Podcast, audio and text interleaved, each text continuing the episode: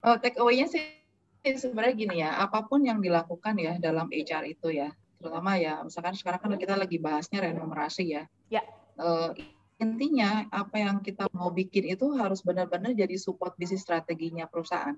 Oke. Okay. Jangan bertolak belakang gitu. Hmm. Jadi teman-teman itu enggak hanya uh, lihat buku, lihat teman misalkan uh, pernah bekerja di perusahaan mana, uh, tinggal ngambil, tinggal nyontek, disarin lagi diterapkan di perusahaan tersebut hmm. ya nggak gitu hmm. kan kan objektif sama nature perusahaannya kan pasti juga berbeda